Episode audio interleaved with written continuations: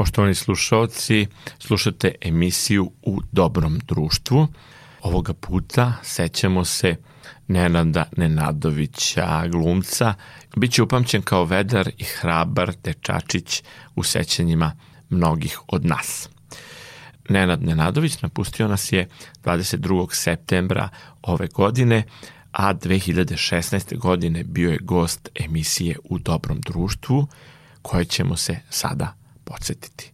Dakle, slušamo razgovor sa Nenadom Nenadovićem, zabeležen 2016. na filmskim susretima u Nišu.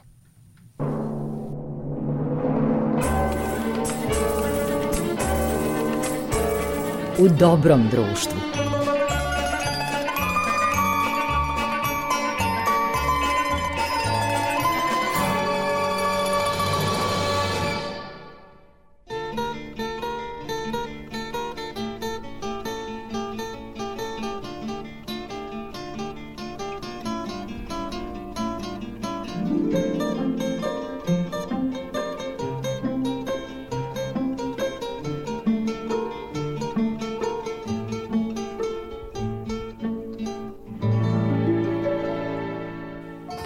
Slušalci prvog programa radija, radio televizije Vojvodine, evo nas opet u dobrom društvu.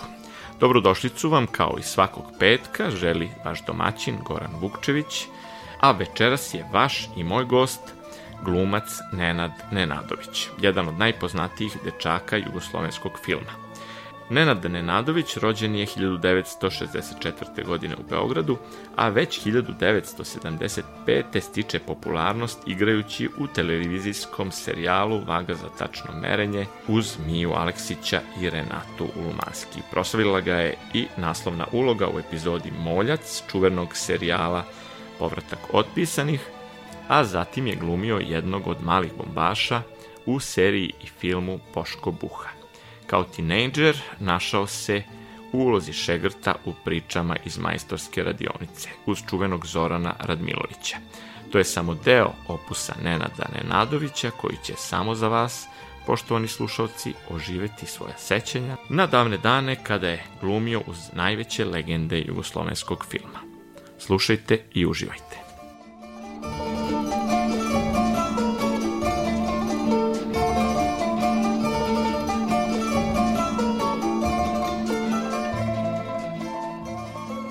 Nenade, hvala ti što si odvojio vreme za ovaj razgovor. Nekako ne problema. obeležio si detinstvo mnogih generacija, a to je isto vremeno bilo i tvoje detinstvo. Jeste, jeste. I sad da podsjetimo publiku, Moljac povratku da. otpisanih Tako je krenulo. u drugoj epizodi, koliko se zeća? Šest. Šest. Šest, Šest. Moljac, da. To je povratak otpisanih drugi serijal. Taj. Pa onda Boško Boj, Buha. Jeste, Boško Buha. Tu su posle još neke tvoje kolege koje su kasnije nastavile isto kao i ti glumačkim stazama. Bijela jao smo, stvari smo skroz nastavili i ostali još malo i tu su negde prekinuli Bijela ja smo nastavili. Tako je bio jedno vreme i Nebojša. I ba, Nebojša Bakočić, tako, tako je, da. Onda priča od majstorske radionice, da ne Jest. zaboravimo. Čini mi se da filmovi i serije u kojima si se pojavljivao, da su tada najveći, da kažem, da je bila prepuna špica najvećih mena jugoslovenskog glumišta, ne samo srpskog, nego čitavih prostora, kako se danas kaže, regiona. I to su neki ljudi koji su za sva vremena obeležili domaću kinematografiju i prosto sa mnogim sagovornicima se složim da se nešto to desilo sa filmom ili sa duhom vremena da se više toliko ljudi ne vraćaju domaćim filmovima, ovim koji nastaju poslednjih decenija i danas, nažalost, koliko se vraćaju onim koji su nastali tada, čini mi se u zlatno doba si ti bio dete filma. Kako se Jest. ti sećaš tih dana? Pa, iskreno deluje mi ovako iz ove perspektive kao da je to neko drugi radio. Moram da priznam, ipak je prošlo 40 godina. 76 smo radili otpisane, na primer. Ali, hoću da kažem da je um, situacija bila malo drugačija tom trenutku kada kažeš bio sam te na televiziji, niko te nije pitao na kojoj televiziji.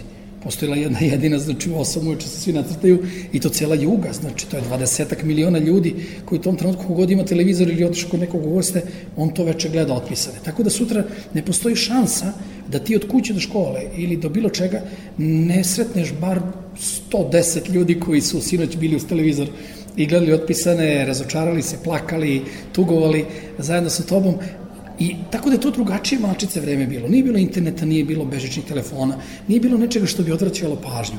Televizija je, a i sam film, koji je isto u to vreme bio na vrlo visokom nivou, je u stvari e, imao potpunu pažnju gledalaca.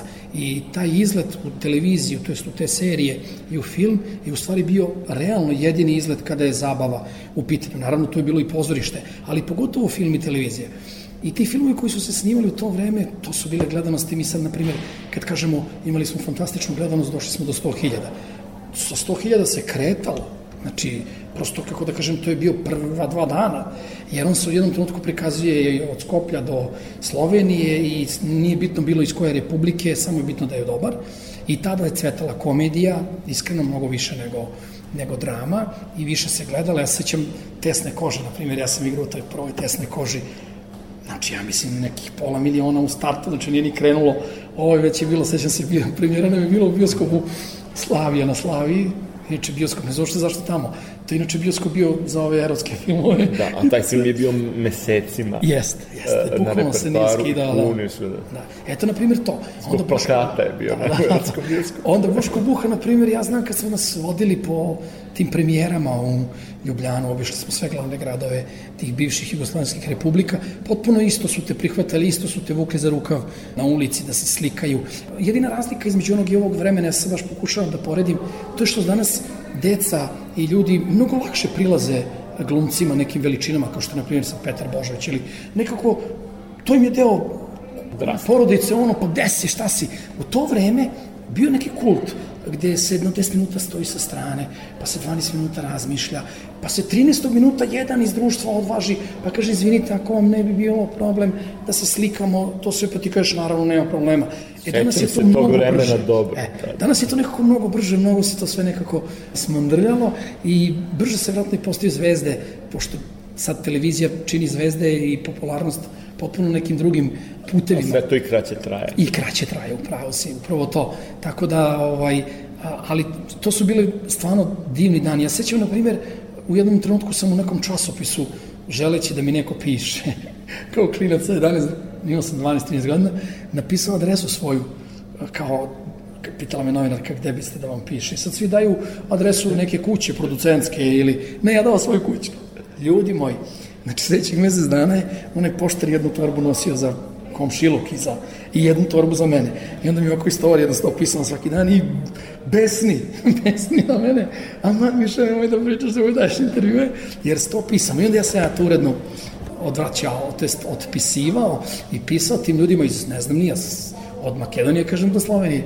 Međutim, posle 30. 40. se umoriš i onda više ne možeš da pišeš nijako danas ono nešto možeš da odvratiš svima, pozdraviš ih u isto vreme, I praktično to tako, kako da kažem, ta popularnost je bila potpuno drugačija, znači jedno potpuno ludilo i onda sam ja tako igrom slučaja išao iz jednog dobrog projekta u nov dobar projekat, pa se otpisani su zamenili Boško Buha, Boško Buha zamenio posle toga tu priču majstorske dionice. Umeđu vremenu sam radio na RTS-u neku vagu za tačno merenje koje se ljudi sećaju. Imao sam da. tu sreću da... Mija Renato Mija Renato Manski, sa Vrinom Kolivajom, znači e, Dobrilo Matić da glumim, ja ne znam, 3-4 sezone smo da, to radili. To je, znači, fenomenalno bilo, znači, iskustvo neviđeno. Onda neku malu nadu koju sam radio sa Zablaćanskim, nas dvojice igrali glavno uloge, sećam se. I onda, kako da kažem, prosto se tako to nekako nizalo. Svako vreme sam malo, malo pa nešto snimao. I tako sam se malo izvlačio u školi. Kad god me nema, mogu sam da idem kad doću u školu, da ne idem kad hoću, jer u početku sam donosio na opravdanja, posle toga su mi verovali na reč, pa da. sam ja to maksimalno... Domaći film je bio mnogo važan tada. Jeste, I stvarno, kako da kažemo, mnogo su ga gledali, mnogo su volili te junake i na kraju krajeva i te veličine su bile stvarno. To je bilo neverovatno, svaka se rečenica pamtila, svaki dijalog se pamtio, sve to tako nekako ostajalo u narodu da je to stvarno bilo fenomenalno. I ljudi su oslovljavali E, godinama je, ne znam, Bata Stojković bio Boboleja ili već, ne znam, da, da, da, da, Burlića ili Bur, znači, godinama su oni njih doživljavali kao te likove. I meni si nastavnica isto plakala misleći da sam ja zaista poginu gomila nekih ljudi na pijaci. Ubio, kad, kad me Isa ubio, kad me Đelić ubio, znači gomila nekih ljudi na Belanijoj pijaci gde sam ja živio, pred Bitefa. To je bilo, jo, kad si ti živ i zdrav, jer oni to nekako još je ta granica da. bila tu negde pa, između. Glumci koji su igrali narodne neprijatelje, Jesmo, oni su bili omraženi. Oni su pljuvani po ulici. Apsolutno, apsolutno. To nije moglo da se oprosti. Znači, mora svako da pazi šta igra.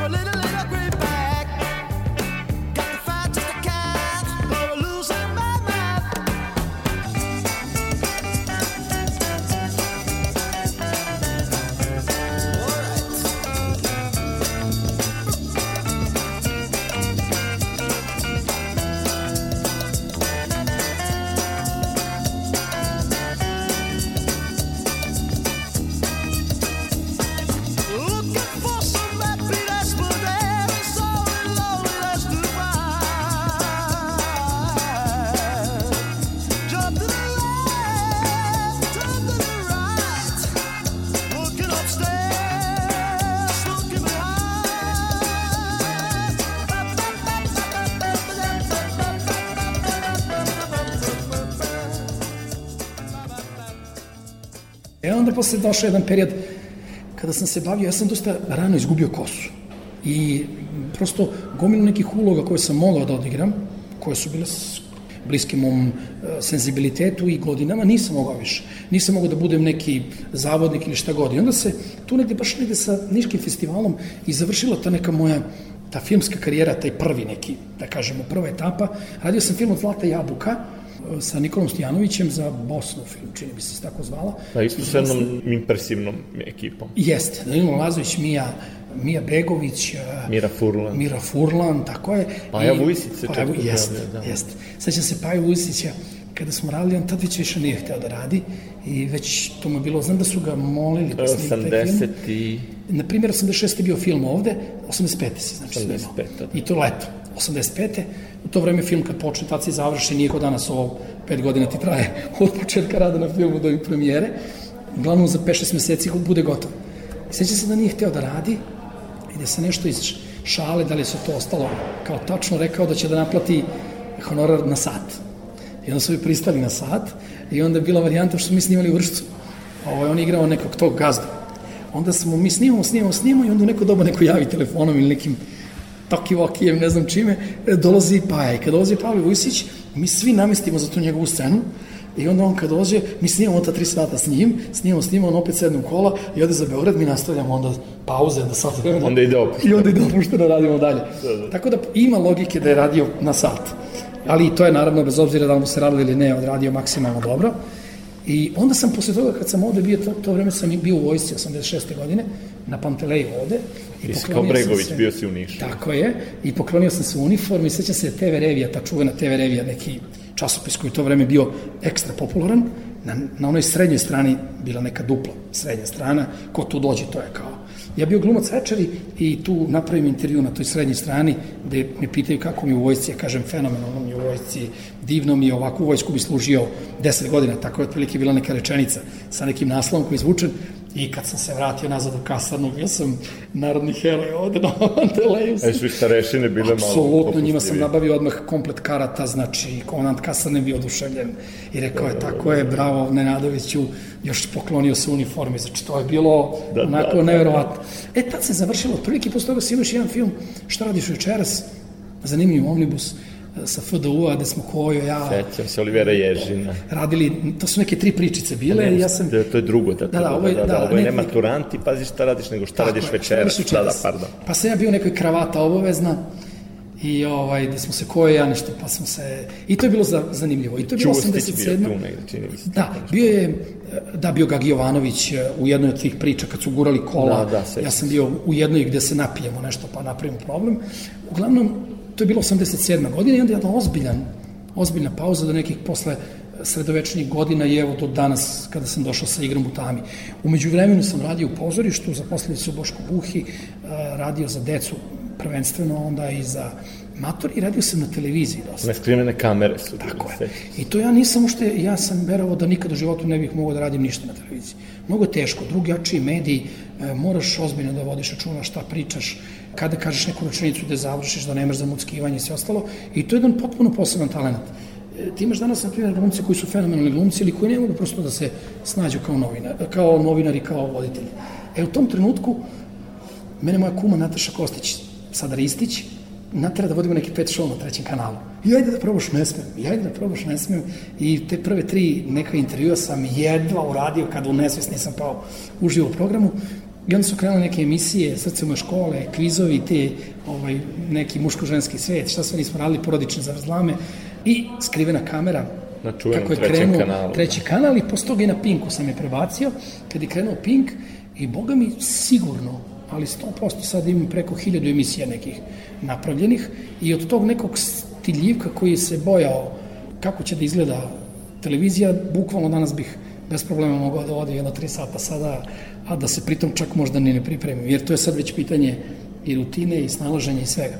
E onda opet pozorište, pa onda malo film, televizija jednom trenutku sa nekom belom mlađom i sa nekim epizodicama, serijama koje sam radio, ali sve u svemu prošao sam tu fazu strašno velike ekstra popularnosti i znam tačno kako se živi i moram priznati da to nije baš život za pohvalu, nije to baš tako jednostavno. E, delo je to ovako sa strane super i super je kad vam u pekari daju bolje parče ili u mesari ili negde ne čekate na red ili vas neko prepozna ili vam policajac naplati kaznu, to je sve super.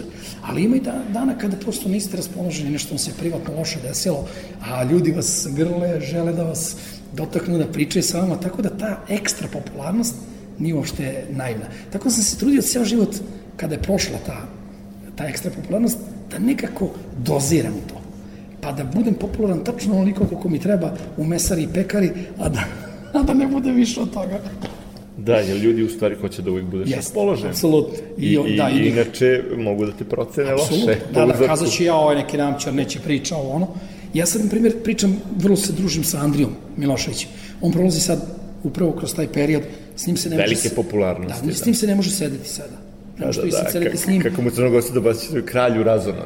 da, da, da, znači vi sad, na primjer, da mi sad sednemo da popijemo kafu, da nešto popričamo, što igramo dosta predstava zajedno, to ako odemo negde u javnost da sednemo, to je prosto agonija, to prosto ne može, ne može da se popriča tri rečenice. Onda se tako biraju mesta negde, ili on dođe kod nas, ili mi, znači, negde se nalazimo privatno, tako da to je to što on sad, na primjer, prolazi i to je dobro donekle, ali treba se nositi s tim. Da, mnogo sam razgovarao na tu temu popularnosti sa Slavkom Štimcer da. i njemu je to došlo veoma rano i nekako uopšte kinematografija nekako ti oduzme jedan deo detinstva, s druge strane nešto dobiješ, ali nešto i izgubiš. I on je izuzetno mnogo snimao u jednom periodu, tako da je školu završavao u večernjim časovima i ovaj, spavao je, ne znam, po kućama filmskih radnika. Da, da, da. da. E, ali sad me zanima, sad znamo malo da se sve nekako ofucalo, para nema dovoljno, ne ulaže se u filmove, a opet to zlatno doba, glumci kada govore o tome, govore o tom kako se glumac osjećao udobno u tim produkcijama, poštovano i cenjeno i kako se radilo lepo. Sad je serija, pa i prema rediteljima je to su obrale, snimi danas mm, epizodu, mm. ovaj glumac juri na sledeću mm. tezgu, producent pritiska, nemaš ljude, jer su mm. svi na nečemu I, tako, ovaj, tako. I praviš hiljadu kompromisa, na kraju rezultat naravno ne bude vrhunski. Da, bude slično u svakoj seriji. I ti u stvari vidiš neke ljude i pomisliš da je to ista serija, da. kao i ovo što je bila juče. Jer se ne unosi niko pretarano i to. A kaži mi kako je to nekako, recimo, te velike produkcije, kao što je bio Boško Buha, taj sjajan reditelj Branko Bauer, Da. Kako se radilo, kao dete kako je to bila briga, kako su te pripremali za kadar? Da, pa evo ovako, na primjer, mi do Branka, mi smo sa Brankom Bauerom, na primjer, mi deca, ja koliko se sećam sad, pa možda smo tri puta pričali za sve vreme filma. Jer do njega bilo bar tri asistenta da ga neko ne bi smarao. Znači, tri asistenta njegova reše tvoj problem tako da ti uopšte ne dođeš do Branka Bauera. A u, u nekom najgorim slučaju on okupi sve nas i kaže, deca, sutra snimamo vrlo tešku scenu, Puškareva smrt Marka Nikolića, molim vas da večeras legnete, da, dajte da probamo tekst, da vidite šta se dešava i ona mi ispriča šta će biti. To je, na primjer, te, toga se sećam jednog od sastavaka. Sve ostalo je, prebacivao na asistente, asistenti su rešavali sve neke varijante tipa ko gde stoji, ko šta radi, jer on to već napravi sa njima, ali bilo je, kako da kažem, mi smo snimali to tri i po meseca taj film, a on je imao sve resurse na raspolaganju od vojske, preko bilo čega. Film imao, ja lično mislim, otvoren račun potpuno za, prosto taj budžet je bio otvoren. Mi smo snimali u Pljevljima, na Žabljaku, Bijelom polju, selili se iz hotela u hotel. Sećam se da je da su glumci, neki moje kolege, za prvu ratu svog, za prvu ratu filma od Boška Buhe, kupili sebi Renault 5, na primjer. Eto, to je ta veličina honorara. Sećam se da mi je dnevnica bila tolika da kada ja platim, pošto ti dobiješ dnevnicu, pa plaćaš hotel. Kao ta je fora. Isplatite pa ti onda sve sam rešaš, da ne bi vodili računa kad putuješ, kad se vraćaš tamo ovamo.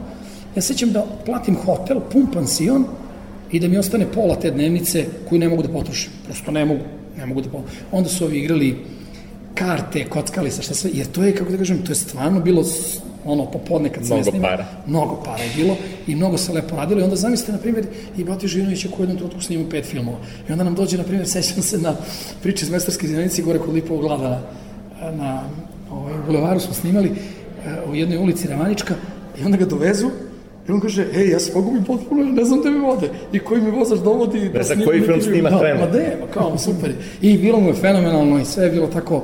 Sve je toliko trpkovic. E, na primjer, za razliku od nas, on je bio jedini koji je smeo da snima 4-5 filmova. Ja se sećam da nisi smeo da ne prijaviš ako radiš neki. I nisi mogao kao sad, na primjer, snimam tri filma isto vreme, pa se onda pobiju organizatori između sebe ko će da te ima kog dana, nego kada se potpiše ugovor, kao u Americi, ako potpišem ugovor da ovog leta, jul, od 1. jula do 31. augusta, snimam film, ne mogu da radim ništa drugo. To je to.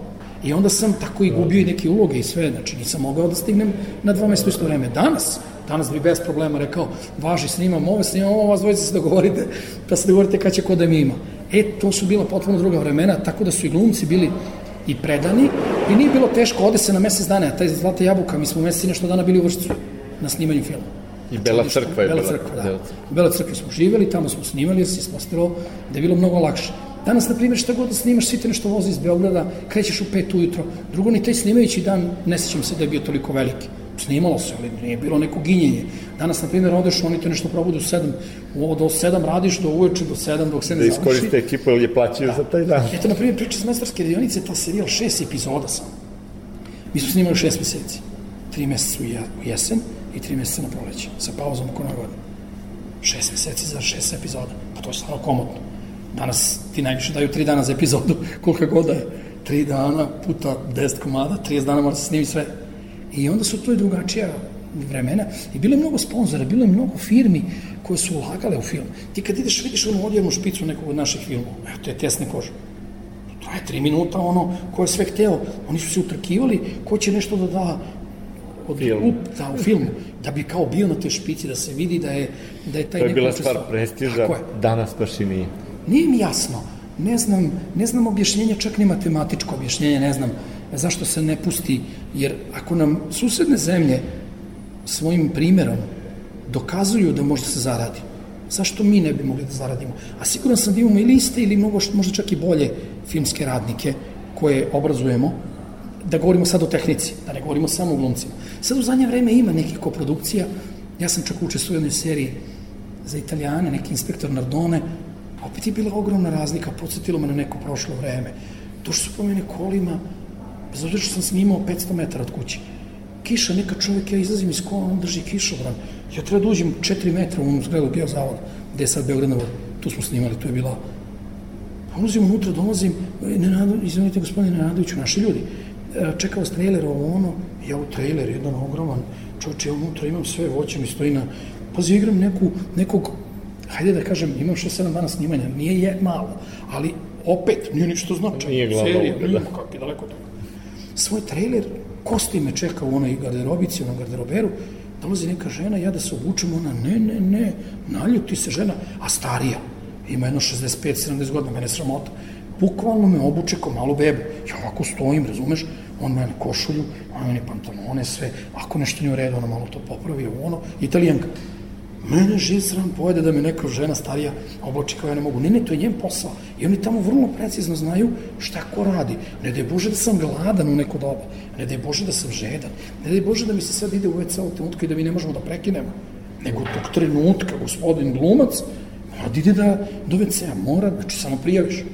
Znači, to je neverovatno. I u jednom trenutku sam u tih sedam dana doživeo neki flashback u neko vreme ranije, gde me žena, na primjer, to isto veli fascinantno, traži mi ovaj, instrukcije iz moje banke, pošto ne veruju našim ljudima, zbog ne znam čega. Na takvom ne znam glasu. Nego su se dogovorili da kao rimska ta banka, italijanska, odmah uplati meni, da ne ide preko ovih ovih što uzimaju, što se, koji je moj deo.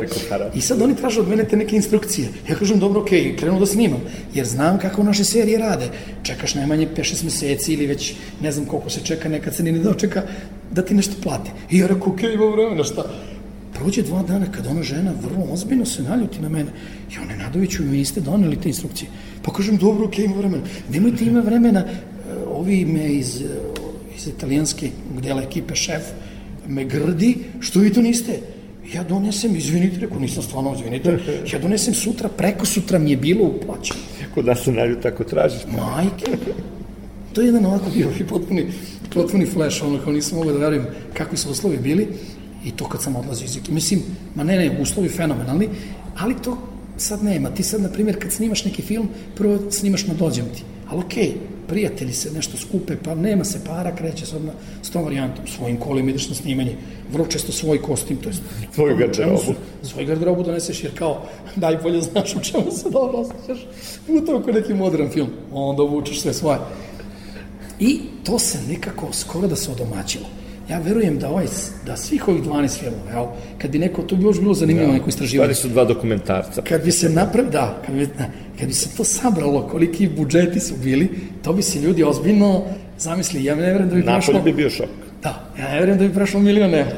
Da se svi skupe, koliko su dali, ajde možda je neko kao nekakva produkcija, možda je neko uleteo s nečim. Ali od ovih naših domaćih, da se skupimo mi, pa nema šanse. Ali opet neko na kraju mora da pukne stan da bi isplatio Bukvalno, ekipu. da, da. I moram da priznam, pre je moglo se zaradi od filma, i to je napravilo sad ozbiljan razliku, pre je moglo se zaradi od filma. Jer ti si pre kad ti zaradi neki film, pre, ti od, ti, od te zarade ideš u sledeći film. I tebi je bilo bitno samo da počneš. I ako napraviš dobar film, ti imaš poslove. I širi se stvar. Sada, ne znam, sem Montevidea, bit ćemo prvaci sveta. Prosto ne postoji opcija da se zaradi. Pogotovo što država to ne podržava sa nekim vraćanjem novca ili bilo čim za ulaganje. Ali kad, se, kad to ne može ni u pozorištu, onda što bi u filmu? Uspeo si da, da sarađuješ, pošto si počeo ili rano, da sarađuješ sa najvećima. Kako su ti najveći brinuli o tebi? Jel ti pomagao neko na, na, Da, na da. samom, Fenomenalno. samom radu, pazili na dete? Onda. To zavisi od toga u stvari koliko ti provedeš njima vremena. Na primjer, na pričama iz majstorske radionice sam mnogo vremena provodio sa Zoranom Radmilovićem. I bio sam u desna ruka, mnogo me voleo. E, Ništa mi nije bilo teško da mu donesem, prinesem, meni je to bila čast. ja kako on nešto pomisli, ja sam donosio, toliko sam ga ja voleo. I on je to primećivao i prolazili smo svašta nešto zajedno. E, u tom trenutku je on i imao neku informaciju o svoje bolesti i nije baš išlo sve tako lagodno na snimanju, imali smo neke pauze zbog toga i on je bio malo utučen oko svega toga i nije to baš lepo znao da prosto nije mogao da prihvati to sve da mu se to nešto povratilo i vratilo, ali sećam se koliko je on, koliko je mene volio i koliko me pazio da u to vreme on radio Radovana, to je bilo na vrhuncu njegove moći i Radovana i Bija a, i na toj Radovani nije teško, nije mogla suđi. To je bilo krcato napred, prodato po 2-3 meseca, a, Munc je zabranjivo da glumci dovode svoje goste, jer nije moglo te da se smesti.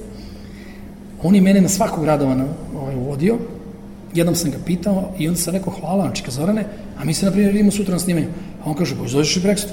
Pa rekao ja ne, pa evo vi gleda sam. Dođi ure što ne dođeš. I onda sam ja, i dovedi nekoga, nemoj molim ti mi da li šta, dovedi neku devojčicu. I ja sam na svakog radovana imao sam spisak ljudi koji stoje u redu da čekaju da ih uvedem na radovana i ja sam bio glavni u društvu. Što među devojčicama, što među drugarima. I onda dođem ispred ateljeja, on sećam se zaključava svoja kola beskrajno polako, predstava, na primjer, počinje u pola osam, ako se ne varam, on u 7.20 dolazi, 7.25, ekstremno nešto mrzovoljan, nije mu ni do čega, vidi me, kaže, čeka Zoran, evo, mi došli, on kaže, u, nema problema, dolazimo tamo, ona, što radi na na ulazu, ne znam kako se zvala, kaže, Zorane, ne, ne mogu gosti, znaš da je muci zabranjeno, kaže, dobro, dobro, dobro, u redu je. Nešto je, znaš gore, deco, znate da prođe ko zna učka, ajte gore. Ali Zorane, ne, ne, ne, ne, samo tiše, tiše, tiše, ne mogu, ne mogu mnogo si gledati, nema tiho, samo tiho, ajde vi gore. I mi sad odemo gore na balkon, nabijemo se na neke rešetke, na nekim stepenicama, to mi je bilo ostavljeno mesto, jedno 30 predstava sam tako gledao, sa različitim ljudima, znao svaku rečenicu na pamet, i on onda siđe dole, i za 7 minuta izađe na scenu i izađe potpuno drugi čovjek. Od onoga koga si pre 7 minuta video ispred, to je fascinantno bilo. Ja sam mislio, rekao, sad će predstava bude očajna, sad će da bude neduhovita, vidim da mu se ne radi, vidim da mu se nije došlo. Ne.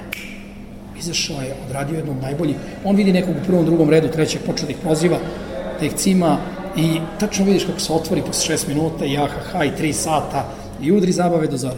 Tako da je on meni, na primjer, obožavao Gaga Nikolić me obožavao, znači s njim sam se baš družio, jer je video da sam bio mnogo uplašen. To mi je bila prva uloga. Otpisan. Otpisan i mnogo sam se bio uplašio. I onda sam došao prvi dan na snimanje, imao sam neku svesku, pošto ja dotle već snimao nešto kao na radio, dobro jutro deco, ono u 7 sati budio sam sam sebe, kao kao neke recitacije sam čitao. Onda sam radio pre toga neki crčkov album za RTS, jedan dan snimanja sam imao sa Zlatom Numanagić, u stvari moja prva koleginica Prva partnerka, bila, da. Prva partnerka je bila Zlata Numanagić, a moja prva uloga je pričao sam nekog Johna koji pričao srpski sa engleskim akcentom i njoj sam sedeo u krilu i dan danas kada se vidim ona kaže a ko te prvi držao i, ovaj, i onda sam i onda sam uleteo to, u te otvisane i došao sa tom sveskom gde sam već imao sa radija i sa snimanjima sam već neke autograme i dolazim i kažem Dragane ako biste mogli da mi se potpišete a ono ko ljut molim Pa ja odmah gotovo. Isekao se, znači, rekao, pa mislio sam, evo, Milan Srdoč, Nikola Snešove Stasove, sad nisam imao tamo Slavko Simić, sećam se, koje su to bile, Ljubiša Bačić, s kim sam radio na radiju to vreme, i onda su mi s ovim potpisali. A on kaže, kako to, kako te, te bre nije sramota, bre, tražiš od kolega, kako bilo sad ja uzem, priđem Voj, kao, izvini Vojo, može mi daš autogram? Pa kolege uzimaju autogram jedan drugome. Pa rekao, ne. Pa kako, evo, sada ja tebi, ti meni, šta to znači? Sad mi dođemo samo na snimanje, sad svako, svakom uzima autogram, šta to znači? Pa rekao, jeste, kakav autogram, bre, mi smo sad kolege, ste normalno. Pa dobro, i veruj mi, ja tog dana zatvorim tu svesku i ona je ostala na toj 13. strani, nikad više nisam uzeo jedan autogram.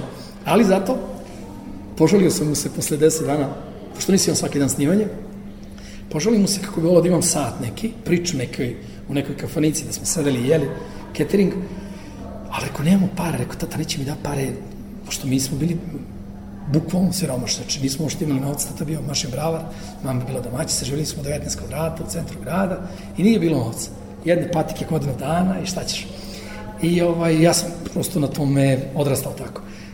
I pošto nisam imao novca, a mnogo mi se sviđa taj sat, u Nušiću je bio neki komisijon, omikron, plavi sat, unuka, sve to, fenomenalno.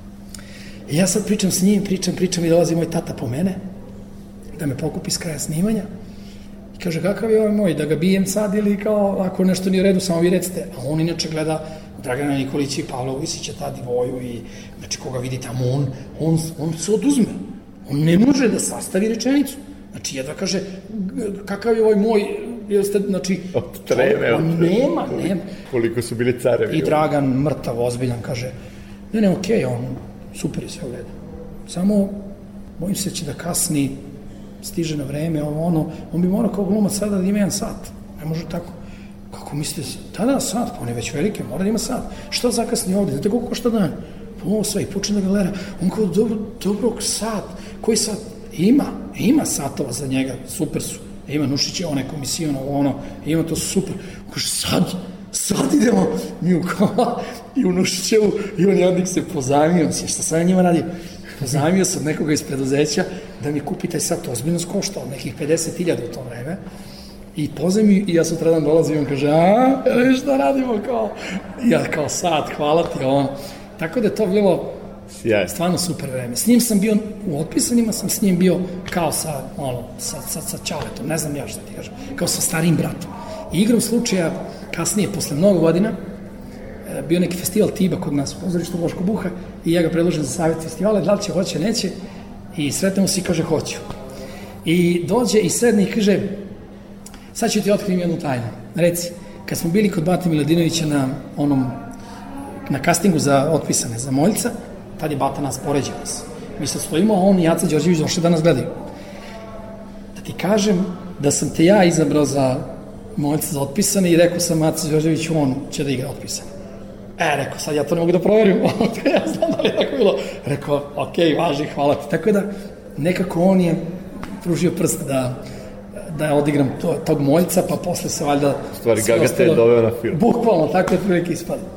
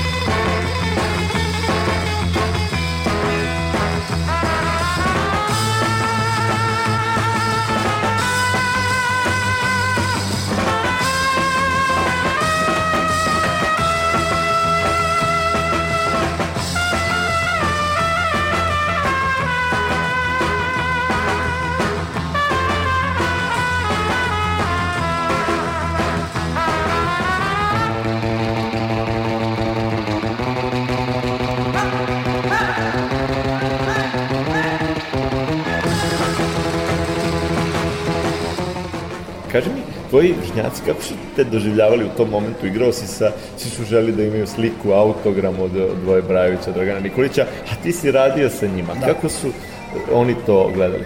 Pa, iskreno, ja moram da priznam da je mene u jednom trenutku udarila ta neka slava. bolest slava. Jedino što nije imalo nikakvih posledica, to je jedina sreća. Imaš ti glumac i mojih kolega koje udari to malo, pa teško se snalazi i nosi s tim. Ja sam nekako, čini mi se negde na vreme, uspeo da vidim da nešto ne stojim na, na zemlji. Nisam ja gubio drugove, ja sam se s njima i dalje družio to sve, ali se nekako osjećaš drugačije, osjećaš se da ti je sve nekako dozvoljeno. To je prvi simptom da tu nešto ne valja. To da sad ja dođem ovde u kafanu i da ja očekujem da će sada da ovaj kelner skloni sve vas i da ja prvi dođem. I ako ne dobijem to, odjednom ti dobiješ jedan problem kao kako ovaj tebe ne prepoznaje. Taj osjećaj moći. E, tako je. I to je taj prvi simptom koji se dobije. Sreća, to nije dugo trajalo, to je, to je meni primjer Bata, koliko god je on mene volao, Bata Miladinović koji vodi našu školicu, toliko je mačici od maga, on je mene mnogo voleo. I ja sam mu bio neka vrsta, to se u to vreme zvalo ljubimca. I on je mene, kako da kažem, stalno pokazivao u smislu, e, ovo je moj, i meni to strašno prijalo. Ali nisam mnogo radio, jer on mene pitao, hoćeš da radiš vežbu? Ja kažem, pa nisam danas se spremio. On kaže, ne, ne, ti nemoj, ti mnogo radiš, snimaš, nemoj ti da radiš. i tačno osjećaš tu moć i onda ti tako to počneš da zlopotrebljavaš. Sad dok svi nešto rade vežbe, ja dolazim u stvari na časove kod bate da bi gledao koja, koja je devojčica došla da vidim koji ću da pratim kući. To mi je bio jedini cilj tog perioda. I ti onda u jednom trenutku shvatiš, redko ko to, to nije ni tako jednostavno shvatiti, jer ti živiš uljuljkan u nekoj, nekoj prividnoj moći koju imaš i ovaj, onda sam u jednom trenutku samo shvatio da to prvo ne traje ceo život, drugo, ovaj, imaš, imaš veliku predispoziciju da izgubiš neke prijatelje ako prosto tako nastaviš. I onda sam se tu sveo tako da nije bilo nikakvih posledica, ali sam super prolazio iskreno u društvu. Kad su pitanju drugari, bilo je malo ljubomore, ali to je sve bilo onako, ja na primjer uzmem pa ih odvedem na neki film da pogledamo zajedno koji sam ja radio ili im kažem za neko što, ili čak mi se dešavalo kada me pitaju na televiziji ili imaš svoje odeljenje na neko snimanje, ja ih odvedem na snimanje i to njima značilo. To je mnogo više bilo značajno kod devojčica, tu, to je, kako da kažem, to je neverovatno. Hoće sve da budu tvoje devojčice. To je neverovatna moć, to je prosto, kako da kažem, to, da, to je neopisivo, to je neopisivo. Neopisivo je zato što ti kad odeš u neku, na primjer, diskoteku ili odeš kod nekoga na žurku, koji najavi tamo da ćeš ti doći, sad pričam zaista, stavimo se u poziciju, na primjer, današnjeg Andrija Miloševića. Oni svi znaju da će on doći. I onda kada si ti još u nekom periodu koji sam ja bio, na primjer, kad je to bilo, to neko ludilo, to je bila neka gimnazija, znači možeš misliti gimnazija, samo se na jednu stvar misli, na devojčice i na dečake, šta ćeš, ide ćeš, prešao si futbal, prešao si one igrice i to sve, i onda ti dolaziš i kako ti kažem, ti odjednom shvatiš da jedno pet tih devojčica sa te žurke, bez obzira da su došle sa momcima ili ne, to, to apsolutno nema nikakve razlike. Što je on došao, e sad onda ti moraš da vodiš računa, da te neko ne prebije, da, da pre, onda, ne znaš, črtu, da. nekad ti je okej, okay, a nekad ti se one ne sviđaju, prosto, pa onda to, kako da ti kažem, onda sad kako to sad biti s jednom devojčicom, a tu sad ima još gomila nekih drugih, pa onda, znači... Pa se odlučiti. E, to je dobro ludilo bilo. A u neko doba ti malo dosadi, jer ti bude, iznerviraš se zato što sve ono što si kao, bi vo, trebao da budeš zavodnik, pa neka žvaka, pa neka piće, pa nešto, to sve preskače. Da. Jer ona sedne Već i ti, ti ovako zimeš, a ona kaže da. Mislim, to je taj odnos i to je strašno. I onda sam to malo zloupotrebljavao, ali ovaj, posle se to, da, da, pa jeste dok se malo ne i živi, što bi se reklo, i uvek je vrlo bitno, nemam ništa protiv bilo kakvih čačkanja koje kakve gluposti u mladosti. Samo je bitno, ja to se pričam i, da, i danas svoje deci u školici, samo je bitno da razlikuju one gluposti koje prave bez posledica i one gluposti koje će da naprave posledice. Jer ako naprave glupost sa posledicama, onda sve džabe. Da. Ako su to neke gluposti koje ćemo se mi sećati posle 30 godina kao ha ha ha, onda je sve okej, okay, sve kao simpatične anegdote, a ne ove koje a ne ove koje bilo... te zabeleže za ceo život da. Ili se napravi neka glupost. E, tu sam ja imao sreće. Da su te sve moje gluposti praktično ostale benigne i na tom nivou. A šta ti mladim generacijama govoriš, mlađima koji su negde na tom putu? Da igraju u serijima, filmovima, da budu glumci? Ne zna čovjek šta da kaže. Znači, svake godine mi je sve teže. Jer između si lažnog uljuljkivanja i surove realnosti. S jedne strane, ako govoriš kakva je surova realnost, ti im polako oduzimaš pravo na snove. Oduzimaš im pravo na to da će možda uspeti jednog dana kada im govoriš o tome koliko njih uspe i koliko je to mali broj i da li je to uopšte uspeh. Jer znamo i sami koliko se lakše danas postaje popularan i koliko to traje. A s druge strane, ne smeš ni da im kažeš super je sve, sve ok, bit će super i svi jedno čekaju da ti porasteš i da se završi akademija. To prosto ne postoji. Mi smo u naše vreme kad se upiše akademija, ti posle akademije samo biraš gde ćeš i šta ćeš. A sada ne, ti sad završiš akademiju Ti imaš ozbiljne četiri godine posle akademije, ti dalje gledaš u mobil, ni dalje će te neko zvati i postoji mogućnost da, na primjer, dve godine ne radiš apsolutno ništa. I to je onako traja, strašno. I onda sam tu negde između. I Snežan i ja pričamo, jedan dan vruće ladno, jedan dan im pričamo kako je surovo i I oni su nekako u nekoj letargi, i oni su nešto ulenjili se beskrajno, svaka generacija sve lenjija, sve im je teže da čitaju, sve se lakše okreću u Google, kad im pomeniš neko ime, ne padne im napamet da pročitaju knjigu ili da pogledaju neki njegov film, čak i to im je teško. U moje vreme, ok, kažeš, aha, mrzim ja čitam knjigu, ali bar da pogledam film. E sad se i film teško gleda. Nego uzme na Google, ima neka skraćena prepričavanje šta, o čemu se radi tu i to im je dovoljno, jer im je sve površno Znači, užasno su površni, niko ništa neće da se bavi više od pet minuta i onda se mi trudimo da probamo da ih nešto nateramo, da malo zagaze dublje u celu tu priču. Moram priznati, sve teže ide, sve manje dece koje se time bave i ima još jedna priča kojom se provlači kroz glavu, ti im tačno vidiš a to je, ma, Sredić je to moj čale znao, nekoga, moja keva ide s njim i kad, oni, kad ti nalete na problem, oni ga ne rešavaju tako što će nešto da zapnu da ga reše, nego ko bi mogao da im reši taj problem. Ne znam, tata mi zna ovoga odande, pa će on da mi reši problem. Ono što kažem, nije važno šta znaš, nego koga Tako znaš, je. koga poznaješ. E, I to se sad vidi. A mislim da i roditelji prave veliku grešku, zato što mi se i to dešavalo, čak i kad mogu nešto da rade, urade za svoju decu. Da pričamo o nekoj vezi, ili skretanje pažnje, oni to rade pred decom. I to je velika razlika kada se to radi pred decom. Znači, ne odobravam ni to, ali kad već se to radi, to ne sme se radi pred decom. Jer šta oni urade? Njemu je dete tu koje je četvrti, peti razred, a on meni kaže, a dete sluša, ma to ću ja da završim, zvaću ja da. toga i to ću da završim. I dete... Usvaja ima, taj model. Da, apsolutno. Znači, nema varijantu, jesi čuo, Znači, moraš da se potrudiš. Pa on ode da radi, pa me kaže, videću da nešto uradim. E, to oni rade pred decom, da bi možda valjda pokazali kako to oni mogu. Da, i ono što, što se danas dešava, u našoj vreme je to bilo nepojmljivo, da ode tata i pokaže toj profesorki koja, se ne, koja ti ne daje prelaznu ocenu A to je drugo, ja, to, tu sam očajan. Znači, tu sam očajan koliko su oduzeli sva prava nastavnicima. Znači, to je, ja lično mislim da je to, ja ne znam, to je genocid koji se napravio nad autoritetom nastavnika. Danas nastavnik sme samo da te zamoli da ga ne udariš u glavu. Ne sme ni da te prijavi. To je ono naopako vreme što kaže, došlo vreme, sve se preokre. Majke mi. Znači, u moje vreme podigne me nastavnik fizičkog, sećam se za Zulufe ovde. I tako me drži jedno tri sekunde. Ne padne mi napome da napravim glupost. Ušte ne odobravam to, ali neki autoritet... Danas bi ga zakucao. Znaje, danas, došao bi taj tata da pokaže. Ili bi... Znači, Ili bi ga već i učenik. Da. Znači, e, e, očajan sam. Očajan sam koliko roditelji sada sebi smatraju e, nastavnike kao iznajmljene neke babysitterke, kao, kao da ih on plaća i kao ti mora da mi čuvaš dete 6 sati i da vodiš računa njemu i nemoj nešto da slučajno mu fali, a nemoj da si slučajno rekao da nešto treba da uradi on. Jer to je tvoj zadatak, kao. I tu smo očajni. I mislim da nema napretka. Urušilo se mnogo da. toga. Mislim da nema napretka i nije ni slučajno što beže ljudi isto.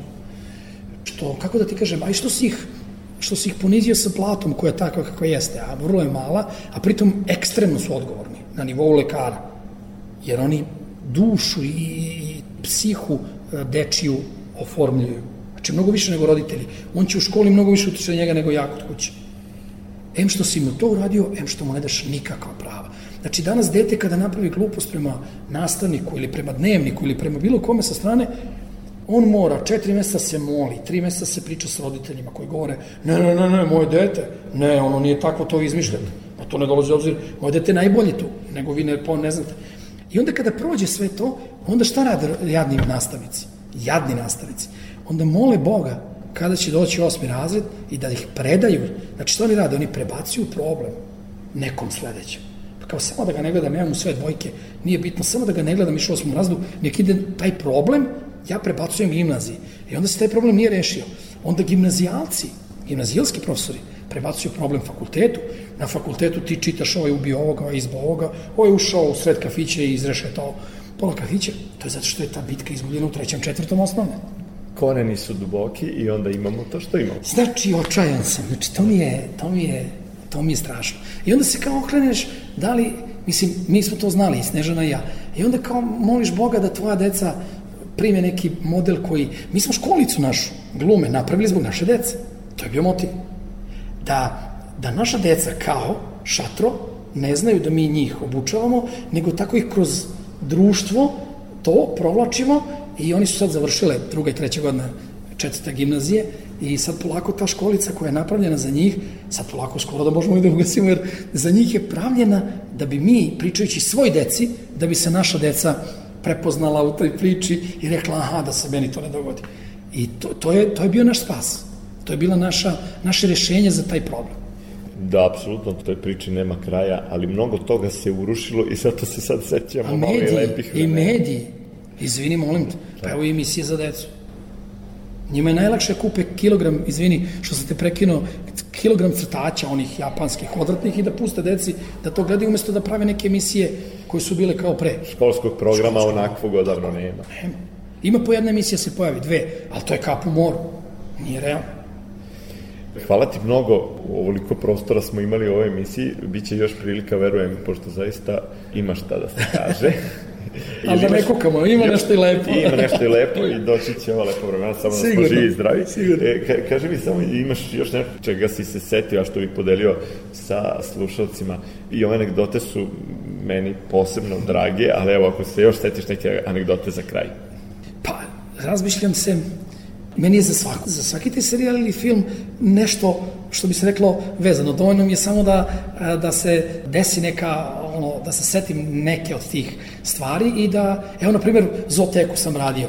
Sećam se, Zoteku sam radio, a Snežana je bila trudna i čekali smo, tad su pageri bili, i čekali smo celu emisiju i cela ekipa radimo, radimo, radimo i kako meni zazvoni pager, tako stanemo svi da vidimo da li ćemo da slavimo spremljene neke rakije, ne znam još šta, tamo u studiju u, na sajmu i igrom slučaja sve te poruke su bile gotovo, gotovo, gotovo.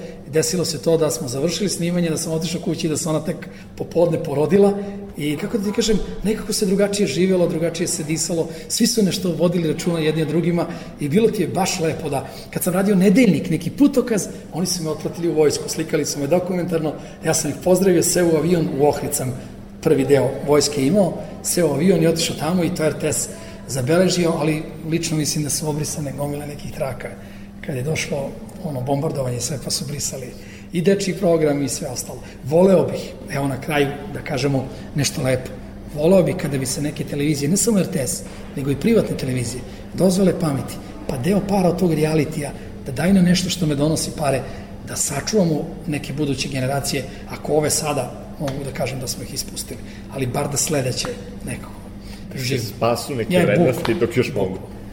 Hvala ti od srca i pre svega ti želim dobro zdravlje i još zanimljivih i pravih poslova. Hvala mnogo, bilo mi je divno. Takođe.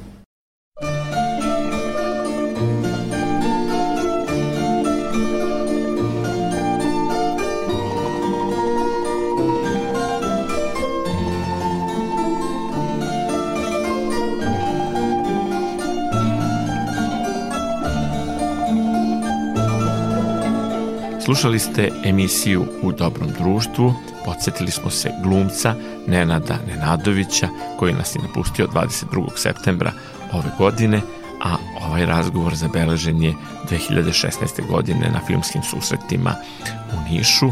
Pamtit ćemo dakle Nenada Nenadovića. Ovu emisiju realizovali su Marica Jung koja je tonski uobličila i Goran Vukčević, vaš domaćin i urednik. Slušajte nas i četvrtkom, kada je repriza u 16.05. Ovu emisiju možete uvek naći i na sajtu Radio Televizije Vojvodine pod opcijom odloženo slušanje i naravno svakog petka premjerno posle vesti u 21 čas. Prijatno do slušanja.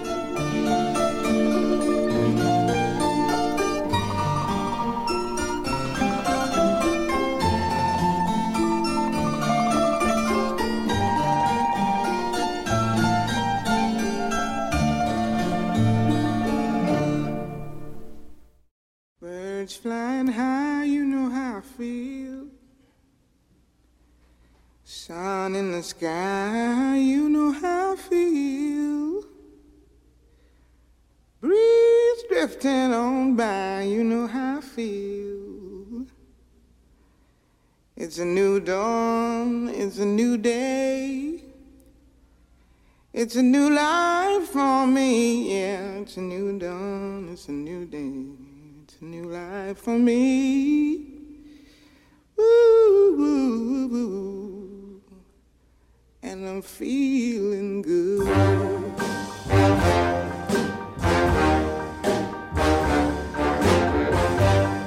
Fish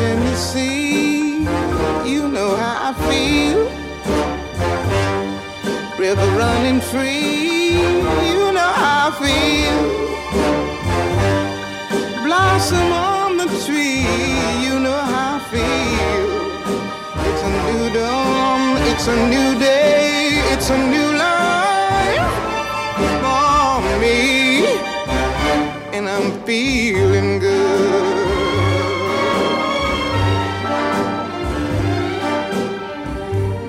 Dragonfly out in the sun, you know what I mean, don't you know? Butterflies all having fun, you know what I mean. Sleep in peace when day is done, that's what I mean. And this old world is a new world and a bold world for me.